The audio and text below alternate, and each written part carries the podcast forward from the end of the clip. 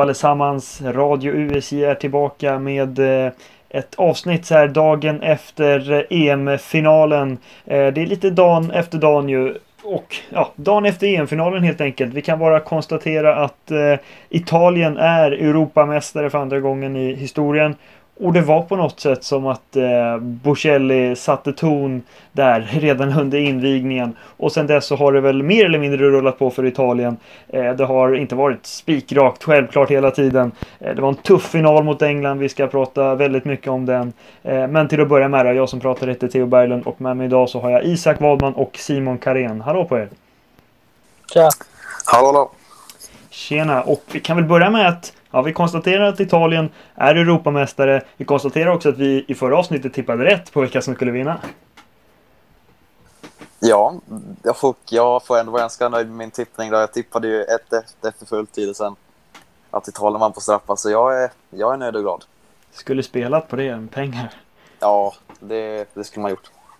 Ja, det var väl Anton som också gissade på det tror jag. Eller att det blev straffavgörande i alla fall. Eh, ja. Så att, eh, ja, en liten eh, shoutout till honom också. Eh, men eh, vi gissade rätt lag i alla fall Simon. Det gjorde vi. Det får man vara nöjd med. Exakt. Och sen vad vi gissade inför turneringen. Det kanske inte var Italien, men det är inte det viktiga nu. Det får vi ta i något framtida avsnitt. Helt enkelt. Eh, men ja, det finns ju jättemycket att prata om såklart. Eh, det var en eh, en rafflande tillställning på, eh, på Wembley helt enkelt. Jag tänker vi kan börja och prata om eh, startelvorna som inte var jätteanmärkningsvärda kanske, men som ändå hade, ja, som hade en del namn och, och intressanta eh, saker att prata om. Eh, om vi börjar med, med, Italien så var det ändå den mest förväntade elvan. Det, det är ett 4-3-3 som man kör på. Ingen Locatelli som jag Anton ville ha, eh, eller som flera personer har varit inne på eh, som har varit väldigt bra i, den här turneringen. Men det var ingen skräll att han inte startade. Eh, men det är Mobile där fram och det är, ja, det är Emerson på vänsterbacken efter att Spinazzola blev skadad och så vidare. Eh, inga konstigheter helt enkelt i den italienska elvan. Har ni någon kommentar? Nej, men det är som du säger, det var man, den elvan man förväntar sig. Eh, speciellt nu när Spinazzola blev skadad. Eh, Emerson var ju deras enda alternativ annars på vänsterback så att, eh, den var ju rätt solklar. Och det där mittbacksparet och målvakten har ju hållit rätt stabilt under hela EM så att det var inte heller några konstigheter. Och sen så, ja, mittfältet som du säger, man kan ju slänga in Locatelli men samtidigt så har ju Barella och eh, Jorginho och Verratti varit väldigt, väldigt bra också de med. Eh, och sen så Chiesa tillsammans med Immobile och eh, Insigne har ju varit väldigt pro produktiv de med. Chiesa startade inte i början men han kom in och visade att han skulle starta senare så att i final var det solklart att han skulle starta också. Ja, eh, och jag tänker väl att eh, du Isak då kan få ta den engelska startelvan som det ändå var lite mer eh, prat om så att säga. För de går ju över till en trebackslinje här inför finalen. Vad säger du?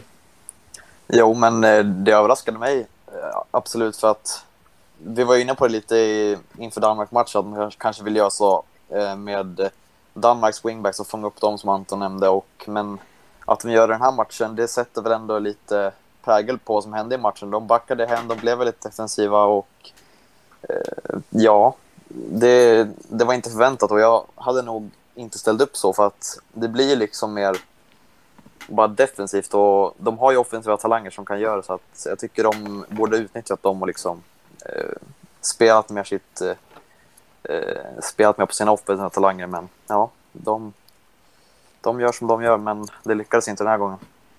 Nej, det gjorde ju inte det. Men man kan ju i alla fall inte säga att de inte började väldigt bra i England. Eller det var väldigt intensiva Eh, första 15 minuter ungefär. Eh, de fick med sig eh, hela Wembley, engelska laget. Och de fick framförallt in ett mål efter bara två minuter ungefär. Eh, Luke Shore som står för det. Det var inte så mycket som hunnit hända innan det. Det var väl Maguire som konstigt passade ut bollen till eh, hörna typ. Eh, men som sagt, väldigt intensiva första eh, första 15 minuter. Men vi ska väl ta några ord om, om målet för att eh, eh, ja, mål efter två minuter. Vad säger du Simon om, eh, om Shaws, eh, vad är det, halvvolley? Den studsar väl innan han drar till i stolpen? Ja, jag tror att det är halvvolley. Men ja. det är ju faktiskt rätt fint mål också. Han vinner med bollen själv där också på sin egna planhalva och sen så slänger han ut den till Kane. Eh, som lägger en rätt fin utpassning till eh, Trippier. Så skickar in ett fint inlägg förbi hela backlinjen. Eh, Di Lorenzo tappade markeringen helt eh, och det fick han ju sota då med Luke Shaw som stod och lurade.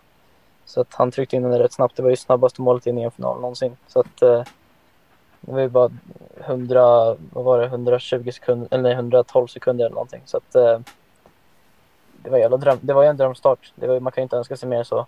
Eh, så det var ju de skulle ju försökt, då, i just det momentet trodde man att det var väldigt bra att de hade gått med någon slags fembackslinje där för att det skulle bli väldigt defensivt för då kunde de bara sitta på den. Eh, det 1-0 målet och det var ju, ja, det gick inte så, såklart. Eh, men ja, det var en väldigt lovande inledning för dem i alla fall.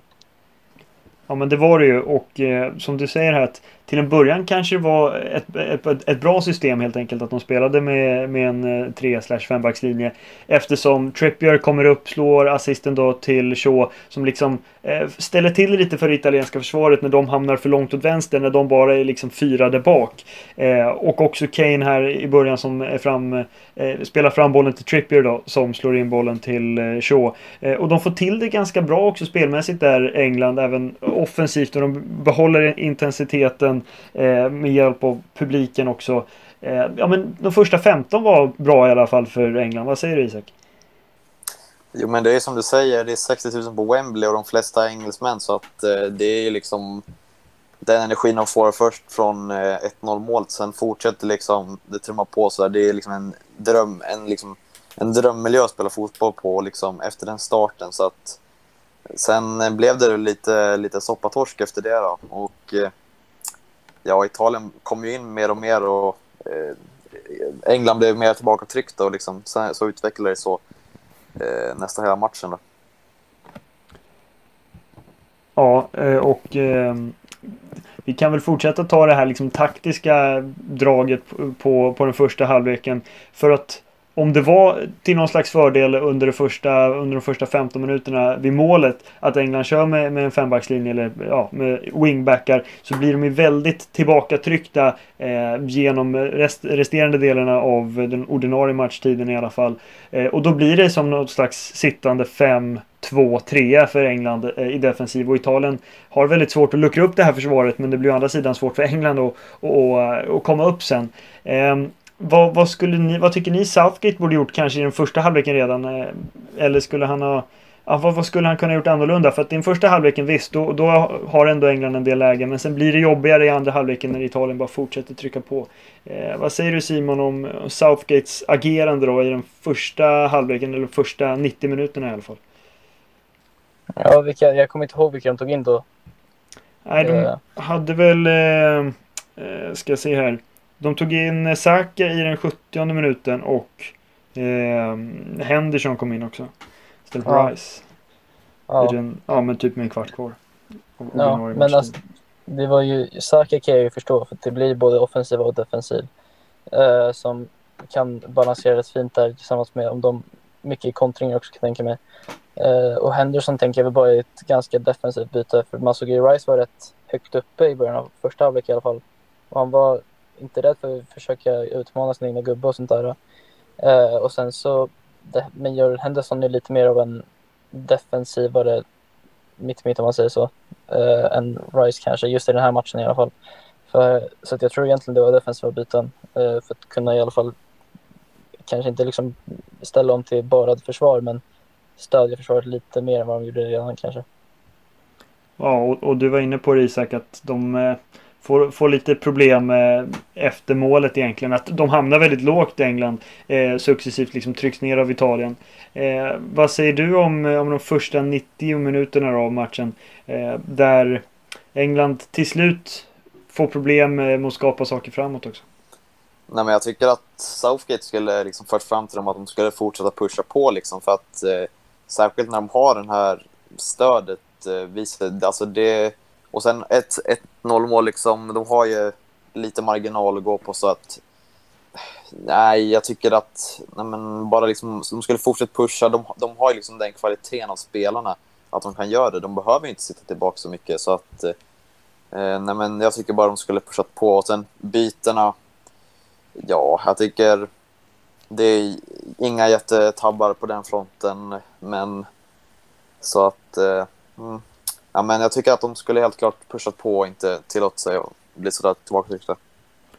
Nej, och, och, särskilt när de har ett sånt offensivt starkt lag med Sterling som varit fantastiskt under turneringen och Harry Kane som har börjat göra mål och du har ju jättemånga bra spelare på bänken såklart. Eh, ändå är det ju ändå, eller ja, det blir ju på något sätt att man har eh, det negativa perspektivet riktat mot England när de inte vinner finalen till slut också. Men den första halvleken så var de ändå stabila defensivt. Eh, de skapade stundtals lägen framåt också. Det var som sagt väldigt intensiv och rolig final att titta på också med många heta dueller. Björn Kuipers kunde ju inte haft det eh, lätt som domare även om han gjorde det ganska bra tycker jag. Vad säger ni om, om det intensiva, tuffa spelet på plan? Det är klart det är en EM-final. Liksom. Båda lagen vill ju vinna jättemycket och båda lagen kommer göra allt vad som krävs för att vinna. Och då blir det ju lätt att det blir, ja, som du säger, att det blir väldigt intensivt. Eh, och att det är mycket dueller som är ganska 50-50 liksom, och att det är mycket aggressivt. Och man vill vinna, till boll, vinna bollen tillbaka. Eh, så att, ja, det var väl rätt väntat egentligen inför finalen att det skulle bli en rätt mycket stång. Eh, men det är ju det är kul också för matchbilden såklart. Det blir lite intensivare och det är alltid roligare att kolla på. Ja, håller du med Isak?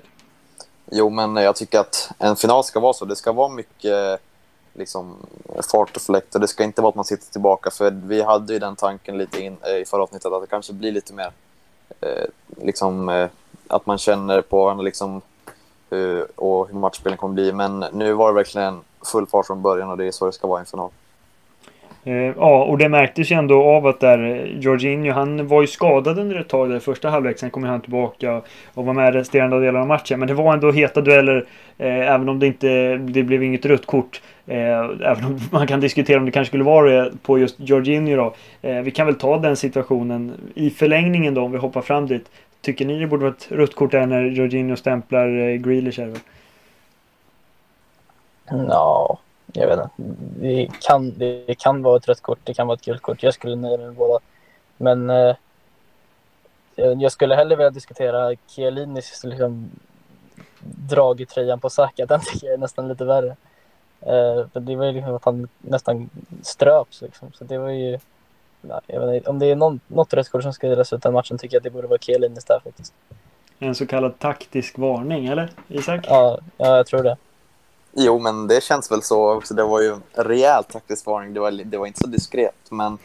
Och sen Georgina-situationen. Jag tycker att det är lite 50-50. Jag är inte så... Ah, jag vet inte vad jag ska tycka om det där, men när man kollar tillbaka på Marcus Danielssons röda kort, det är mer mot liksom knät. Det där var på låret nu på Jack Grealish. Ah, jag vet inte, det är fortfarande dobbarna. Det är svårt att säga. Det är 50-50 enligt mig.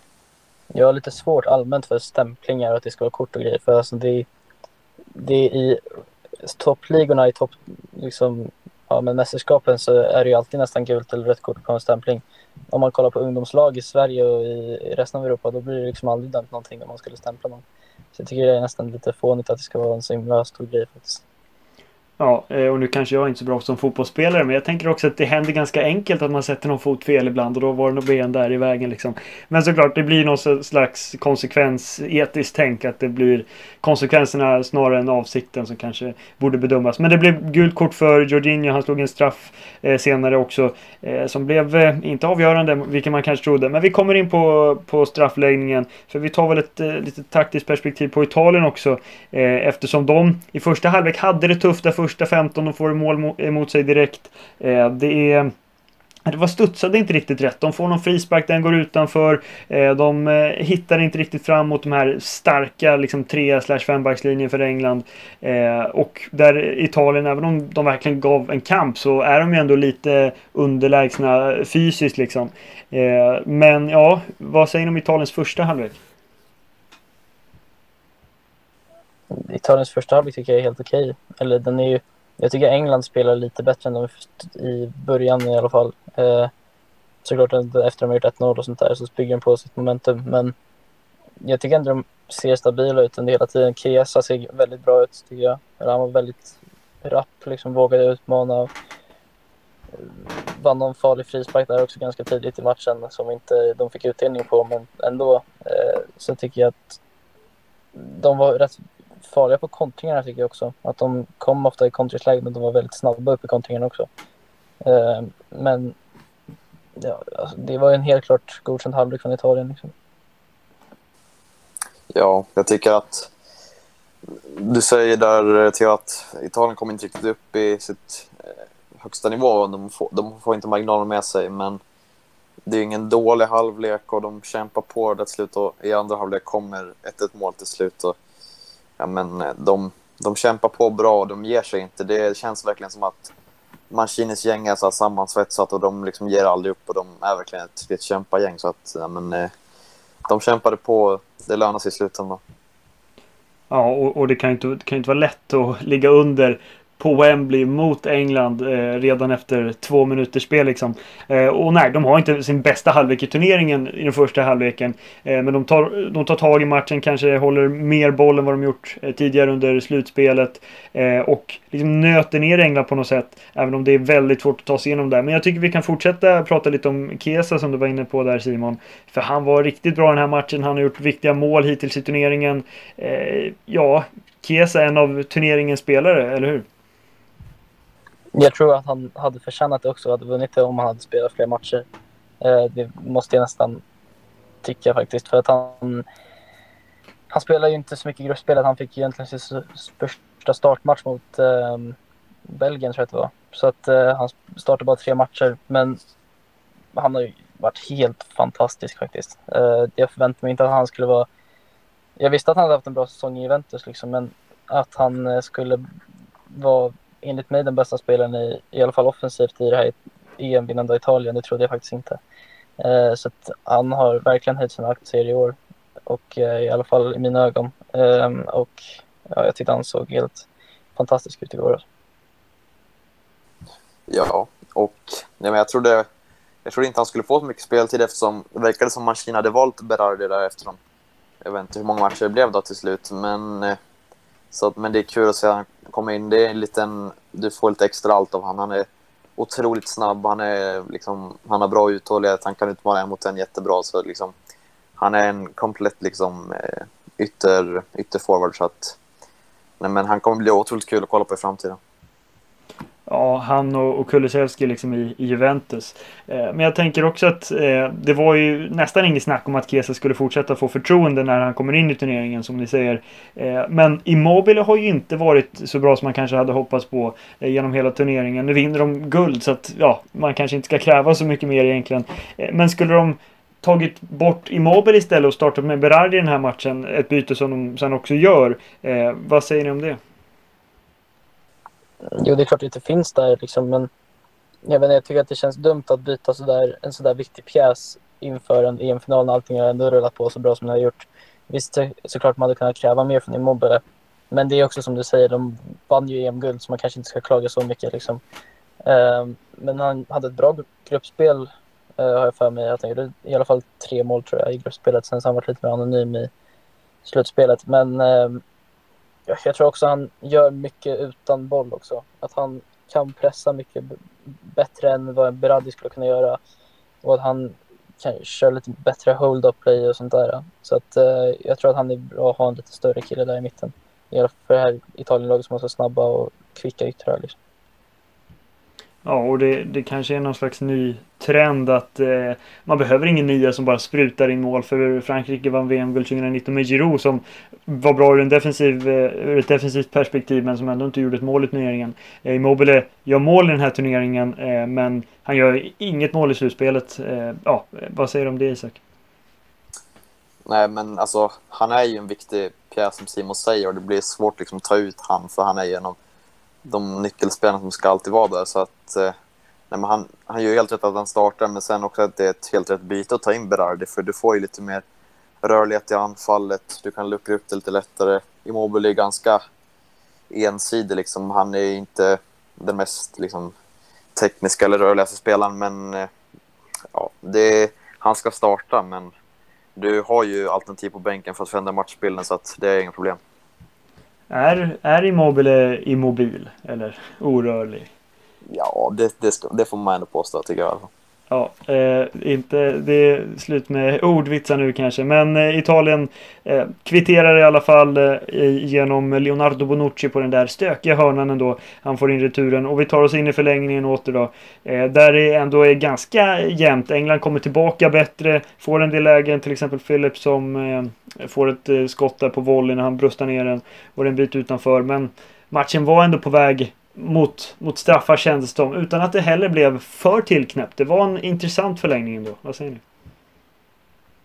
Mm, ja, men jag tyckte Italien var väldigt bra i förlängningen. Eller de hade väldigt många anfall liksom och de låg på hela tiden. Det har jag varit inne på innan också nu att England sjönk väldigt mycket och de längtade egentligen efter straffarna såg det ut som i slutet.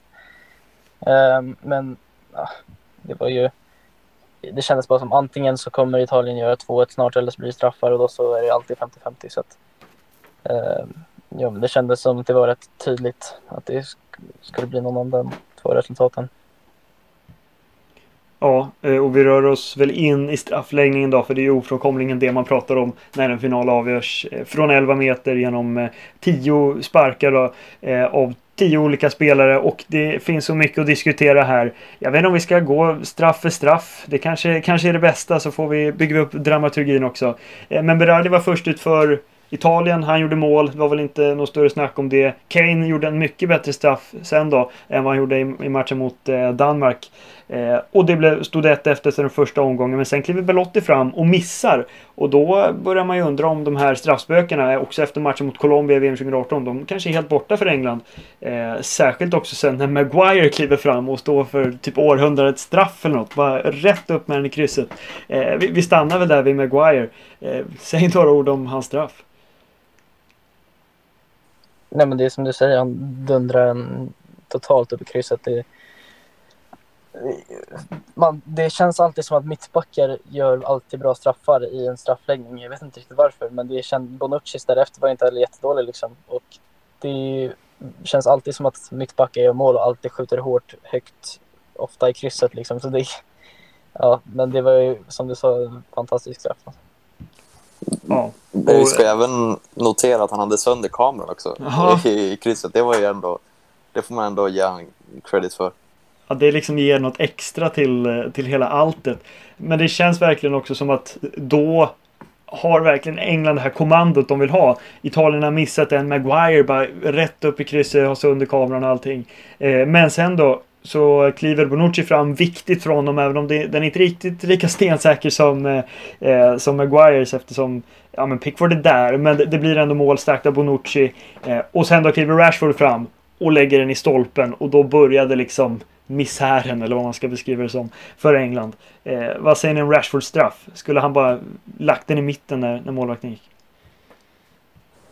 Det såg alltså hela hans alltså, sats, hela hans löpning fram till straffen såg väldigt konstigt tyckte jag. Han satt bara och stirrade rakt ner i vänster hörn. eh, och sen så slängde sig även Donnarumma till höger men Rashford försöker ändå lägga den till vänster och träffar stolpe ut. Så att det märklig straff på många sätt tyckte jag. Det var, så, såg väldigt konstigt ut bara liksom. Eh, så jag fattade inte riktigt vad som hände men ja, han missade liksom. Det var ju, det är ju bara det man fick, eller man bryr sig om nu. Liksom. Ja, och eh, sen kliver Bernadeschi fram och då eh, utjämnar eh, blir det väl. Nej, han, han gör så att Italien leder där för en stund. Och det blir definitivt när, eh, när Sancho kliver fram och slår en ännu sämre straff än vad, vad Rashford gjorde ändå, även om den var på mål. Eh, för där är Gianluigi Donnarumma. Och ja, man kan ju prata om målvaktshjälte, man kan prata om, om missade straffar. Men vi börjar, vi börjar med Sanchos straff. Eh, vad säger du om den, Isak? Ja, men den är väl att han, eh, han skjuter åt, åt det hållet som Donnarumma kastar åt helt enkelt. Då. Mm. Och det är väl bara en dåligt placerad, liksom, ingen, med liksom ingen större kraft i den. Liksom. Det är bara en dålig straff och då känns det verkligen tungt för England. Ja, och, och, nu hade man ju verkligen vänt åt det här hållet att äh, men Italien tar det här till slut. Det, det är fortfarande demoner liksom kring England och deras straffavgöranden. Och då kliver Jorginho fram som eh, avgjorde eh, semifinalen mot Spanien men han slår ju en dålig straff. Eller Pickford står för en bra räddning när han går åt rätt håll. Eh, det, då vändes det liksom åt andra håll igen. Eh, jag trodde verkligen att Jorginho skulle gå fram, hoppa lite inför och sätta dit den i hörnet. Men det gjorde han inte. Nej, jag var också 100% säker. Jag sa liksom att ja, nu är det klart, nu är det klart. Italien vann. Grattis innan jag gick fram. Liksom. Jag, för det, han, är ju, han har ju liksom ett sjukt bra, sjukt bra statistik på sina straffar. Och han, jag tror han missat liksom två stycken i sin karriär. Liksom. Så det, är och han har alltid varit första straffläggare. Så det var väldigt förvånande. Eh, men samtidigt så får man också ge credit, credit till eh, Pickford för det. För han hade uppenbarligen ja, men läst sig in på Jorginhos straffar. Eh, och visste om att han skulle göra sitt lilla skutt och sen så slår han löst till det hållet. Så att Jorginho gör det där skuttet för att kolla var Morten slänger sig. Och då så blir det ju att eh, om Pickford står helt stilla så kommer ju, får ju liksom Jorginho panik och vet inte vad han ska skjuta. Och det hade gjorde ju Pickford, så det var ju väldigt bra eh, av honom.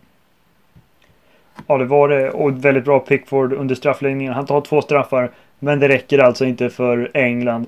För då skickar man fram, Gareth Southgate har tagit på att han skickar fram Bukayo Saka eh, i ett väldigt pressat läge. För England måste göra mål för att, eh, eh för att straffläggningen ska fortsätta. Eh, och han står för en, ja men kanske den sämsta straffen i hela straffläggningen här. Ännu sämre än, än Sancho, ännu sämre än Rashford och Belotti och Jorginho för den delen. Och man lider ju med, med Saka och hit och dit. Men ja, vad säger du Isak? Eh, vad vill du ta för, för liksom grepp på, på hela den här situationen med Sakas miss?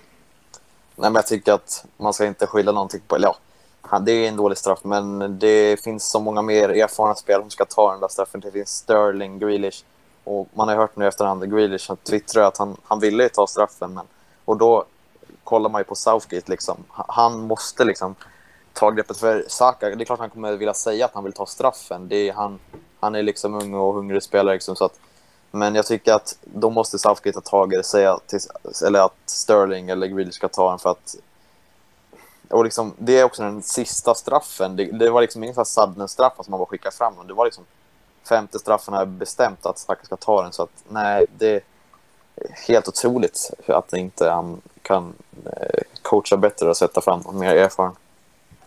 Ja, och det har väl kommit fram, eller kommit fram, jag, jag har sett liksom eh, uppgifter vad man säger på att det var Sakas första straff någonsin i en A-lagsmatch. Det är, det är helt ja. sinnessjukt att han tar den nu liksom. Vad va, va händer? Eh, kan man ju undra. Men ja, det är det blir, det blir så deppigt på något sätt. Eh, man ser att han gråter efteråt och allting. Eh, vad, vad, säger du om, Simon om hela situationen? Uh, ja, men det jag tycker det är jävligt konstigt också att jag tycker, det är många spelare som inte bara har lagt många straffar i sin A-lagskarriär men även gjort avgörande straffar i en straffläggning. Uh, då tänker jag, alltså det syftar ju då på Sterling exempelvis då, som avgjorde, jag tror det var Carabao Cup eh, för City mot Chelsea för något år sedan. Och då tog han ju femte avgörande straffen, satte den i nättaket och vann titeln. Liksom. Så att varför skulle han inte kunna göra det igen? Och speciellt i den formen han är i under den här turneringen och varit Englands, i mitt tycke, bästa spelare. Så tycker jag att han borde ta den där straffen. Och om inte Sterling så tycker jag definitivt att någon som Jack Grealish ska ta den. Eh, och han sa också, han har kommit ut med det på Twitter nu också efteråt, att han sa att han ville ta en straff men han fick inte. Eh, så att ja, det var ju egentligen, det var nog det största tabben av Southgate i år får man ändå säga. Ja, det var ju uppenbarligen så att det fanns andra som ville ta straffar liksom. Eh, men han skickar fram Saka och det, det kan ju om inte Saka liksom får rätt på hans egna demoner i huvudet så kan det bli helt karriärdödande eller vad man ska säga. Att han får gå fram framför den vita väggen som, eh, ja, men som är bakom målet där och och, och missa straffen. Eh, man, man vet inte. Det här kan ju bli liksom, ja, slutet för, för Saka. Det, det låter ju hårt. Det, det, tror jag kanske inte heller att det blir. Men vad säger du som Arsenal-supporter också Isak om, om Bukayo Saka? Nej, men jag tror att Bukayo är en sån pass spelare att han, han kan återhämta sig efter det här. Jag tror han verkligen kommer pusha sig för, för att liksom komma tillbaka starkare efter det här. Jag tror han kommer göra det också för han är en otrolig spelare och han är en av de en av de liksom mest spännande spelarna jag sett komma upp i liksom Premier League på senare år. Att, eh, nej men jag tror att han kommer komma tillbaka starkare och eh, han är en sån spelare. Liksom. ja, det får man ju verkligen hoppas. Han har ju fått eh, utstå hat och sånt på, eh, på, sociala medier också. Och även en del kärlek som är så fint efter att eh, många ja, men, kommit med, med rasistiska kommentarer och så vidare. Det är såklart jättetråkigt. Eh, en liten tanke som jag bara har, den är ju ja, inte jätteavgörande kanske i slutet, men det var att eh, Kane vinner ju slantsinglingen och väljer då att spela, eller att, att England får slå straffarna framför eh, den engelska publiken istället för Italiens kurva då. Men skulle han kanske ha valt att börja, eh, att låta England börja istället, för det är ju fler lag som vinner när man börjar, så att den här pressen på Saka uppenbarligen inte hade uppstått liksom. Ja, det är lätt att säga efterhand kanske, men har ni någon tanke om det? Men jag tror att det, det är som du säger, att det är smartare att köra första straffen och inte ha den där pressen på sista straffen ifall det skulle bli en sån, sån situation. Men jag tror att Kane som kapten också vill liksom ifall, eller han tror så mycket på sitt lag liksom och han, med all rätt ska han göra det också. Och han vill ju att när de skulle vinna, eller ja, i hans tanke när de skulle vinna, så vill han fira så nära engelskfansen som han kunde. Och eh, det var ju, jag tror det var det perspektivet han tänkte att han ville vara så nära fansen som möjligt när de skulle vinna. Liksom. Jag tror inte att han tänkte på att de skulle förlora. Liksom. Nej, och det är väl den tanken man ska ha också. Det kändes ändå ganska uppenbart att om man fick chansen så skulle de slå straffarna inför den engelska publiken helt enkelt. Eh, det var ju i princip engelsk publik över hela arenan förutom den där kurvan då för Italien. Eh, men om vi har blickat mot det ur, ur det negativa perspektivet att eh, England inte fick ta hem fotbollen så att säga. Osaka missade och blev syndabock. Så måste man ju hylla Gianluigi Donnarumma. Han tar två straffar. Eh, England missar tre.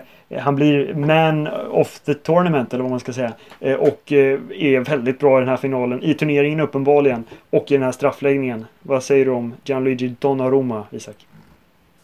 Nej men alltså han är en otrolig målvakt och liksom jag, jag kan verkligen förstå varför han får liksom turneringens spelare för han har varit så bra och eh, det är ju också mycket kommer från Italiens stabila försvarslinje men han är ju en otrolig målvakt och en av världens bästa, om inte den bästa just nu i alla fall. Så att, eh, ja, men det, det kommer bli kul att se också hur han kommer prestera nu i Champions League i PSG som eh, allra troligast flytten kommer gå till nu om några dagar säkert bara kanske det officiellt. Så att, eh, nej men, ja, men bara otrolig målvakt. Ja, eh, och det är inte omöjligt att han står där igen på Wembley kanske i någon mästerskapsfinal om 20 år eller vad vet jag. För han är fortfarande väldigt ung, han är 22 år liksom. Eh, och eh, står för imponerande insatser. Vad säger du Simon, var det rätt att han fick turneringens spelare-priset? Ja, men det var som jag sa tidigare att om Donnarumma inte hade tagit den så tycker jag att Kies hade förtjänat den. Jag tror Kies också hade vunnit den om han hade spelat fler matcher.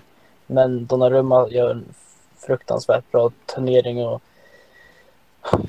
han är helt avgörande för Italien egentligen, eh, i alla fall i straffläggningen. Och det vis, alltså han visat att han är en målvakt av yttersta, yttersta världsklass. Och, ja, den är första, alltså det visar bara på hans klass att han är den första målvakten som någonsin vinner Play of the Tournament i ett EM. Så att, eh, det är otrolig eloge till honom. Mm. Och han eh, är ju jättecool liksom när de har avgjort. Jag vet inte, han kanske inte är medveten om att de har vunnit men han står ju som vilken straffräddning som helst liksom. Eh, mm. Men ja. Han måste ju ha märkt att det springer 150 galna italienare mot honom liksom. Ja, exakt. Eh, men ja, han kanske bara är sån. Jag vet inte. Det är starkt psyke i alla fall på, på Donnarumma. Och eh, Italien som alltså vinner hela turneringen. Vi ska ju ta ett större grepp på de här, eller på, på hela turneringen och på Italien kanske som stort då eh, i framtida avsnitt. Men jag tänker vi kan ta något slags eh, helhetsgrepp på vad Mancini har gjort med det här laget. De missade ju alltså VM 2018 eh, tack vare att Sverige gick och vann. Eh, men ja, Italien kommer verkligen tillbaka starkt efter allt som har hänt med det landslaget, efter allt, med, allt som har hänt med pandemin i landet och så vidare. Italien är Europamästare. Vad säger du om det, Isak?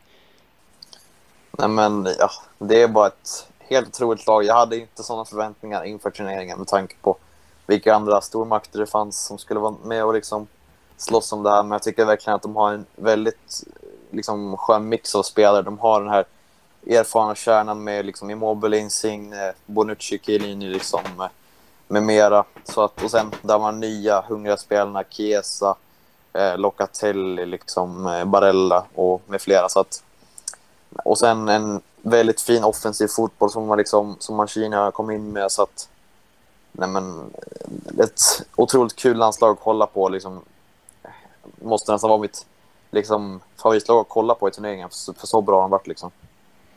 Ja, och, och, de har ju liksom representerat en fotboll som har varit mer offensiv än vad Italien kanske varit historiskt. Men ändå så är de största profilerna eh, Gianluigi Donnarumma som vinner turneringen spelare priset. Eh, men också såklart Bonucci och Chiellini där bak. Eh, Bonucci han eh, halsar både Heineken och Coca-Cola på presskonferensen efteråt. Eh, som sig bör kanske efter eh, finalvinsten. Han skriker It's coming to Rome i kameran. Han blir eh, målskytt. Men ändå är Chiellini kanske den allra största som får lyfta bucklan då i sin sista landskamp eh, om du Simon ska ta några avslutande ord om den trion eller det mittbacksparet i alla fall där bak. Vad säger du? Man märker att de är liksom bästa vänner. Det är så, jävla, det är så himla kul att se en sån relation på en fotbollsplan, speciellt i ett sånt sammanhang. Och det är, de har hängt ihop nu i hur många år som helst, i både Juventus och i landslaget. Och trots eh, att ja, Bonucci hade en liten svit där i Milan på något år, men han var ju tillbaka ganska snabbt. Så att, de var egentligen i vad är det nu, nästan 15 år har de varit helt oskiljaktiga och det är synd verkligen på deras kemi. På planen, de är helt de är världsklass i flera år nu uh, och det är ju när de tappar de där två så kommer det vara väldigt jobbigt för Italien. Uh, de kommer missa, sakna dem väldigt mycket alla fall. Och sen så kan, får man inte glömma när det Bonucci-haveri att han kyssade publiken, eller engelsmännen där också när han gjorde sitt 1 mål. Det får man lägga till. Det var också en liten rolig signal till dem. Eh, ja, och den som har styrt det här laget och den som kommer få väldigt jobbigt som sagt när, när de lägger av. Chiellini har väl gått ut nu i alla fall och sagt att hans sista landskap är spelad. Eh, men det är ju Eh, Mancini, tränaren som verkligen har fått det här laget eh, på rätt riktning igen. Då vinner EM-guld. Mancini som för övrigt fick en tia, den tionde spelaren slash personen då i, eh, i Gazzetta dello Sports historia som får tia efter matchen, högsta betyg alltså där. Och ja, ska du säga något om hans tränargärning här också Isak? Det, det är väldigt starkt gjort. Ja, som jag säger, han kommer verkligen in och eh, ger en ny fotboll till det här laget som var i sån liksom djup sorg efter eh, 2017 där när de åkte ut mot Sverige. Då, så att, eh, nej men, det är liksom en fräsch start. Liksom. De har inte förlorat på typ så här, vad blir det, typ 35 matcher ungefär. Så att det visar verkligen vilket starkt lag de är och de kommer liksom vara något att räkna med i framtiden också. Även om eh, Bonucci och Chiellini och några andra faller av så har de en, de är en otroligt stor fotbollsnation och det kommer komma nya talanger liksom hela tiden. Så att de kommer alltid vara några att räkna med. Ja, och även om eh, det var svårt för italienare, om inte typ omöjligt, de behövde väl sitta i karantän för att komma in eh, i England och vara på plats på arenan. Så var det ju fest i Italien efteråt. Eh, det har varit festbilder egentligen från hela landet över sociala medier. Men det man kanske ändå tänker mest på rent supportermässigt kring den här finalen, ja det var ju att den var på Wembley. Men också hur stökigt det var liksom runt, runt matchen inför. Det var ett, en väldigt berusad stad, eller vad man ska säga, London. Det var folk som bara tog sig in på arenan utan biljetter. Det skulle ju krävas covid-test och allting men eh, det struntade de i. Det var en dålig organisation kring Wembley igår när det var EM-final och allt. Har ni några avslutande ord om, om det? Nej men det är klart det är tråkigt att folk inte kan respektera reglerna eh, och pandemilagen och sånt där men alltså det är, man kan ju på något sätt också förstå dem liksom om sitt land är i en EM-final och de inte har biljetter och de är friska och redo att köra så kan man ändå se varför de vill se sitt lag vinna en EM-final så, så mycket. Liksom. Men det är klart väldigt respektlöst också samtidigt. Um, så att, ja, jag har inte så mycket mer att tillägga än så. Det var ju väldigt tråkigt att se för engelsmännens, eller engelska polisen och de som höll i säkerheten, deras skull. Men man kan ju ändå förstå supportrarna att de kollar på sitt lag. Liksom.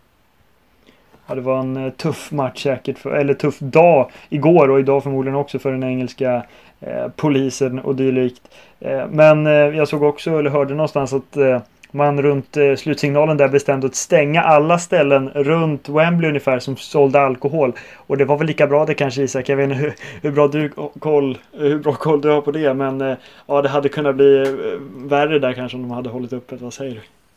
Ja, det har ju liksom varit liksom kaos redan nu om man sett i efterhand på gatorna. Det är bara fullt med skräp överallt på hela Londons gator runt Wembley och säkert mer än det. Så att det var ett väldigt klokt beslut för att stänga puben där, för annars hade det bara spårat ut totalt ännu mer än det redan gjorde. Ja, eh, och eh, med de orden på något sätt får vi väl eh, tacka för det här avsnittet. Men inte för den här podden, för vi kommer väl tillbaka med ett, ett avslutande avsnitt där vi pratar om hela EM helt enkelt. Eh, det kommer bli roligt. Det blir förmodligen ett, eh, ett riktigt fint avsnitt. Eh, och sen så konstaterar vi att Italien är Europamästare. Vi säger congratulazioni, tror jag det heter, till, till dem och på återhörande. Har ni något mer att lägga till eller tack och hej för oss? Det är tack och hej för mig i alla fall. Samma här. Tack och hej. Bra. Vi hörs någon annan gång. Tack för alla som lyssnat. Hej då! Hej då!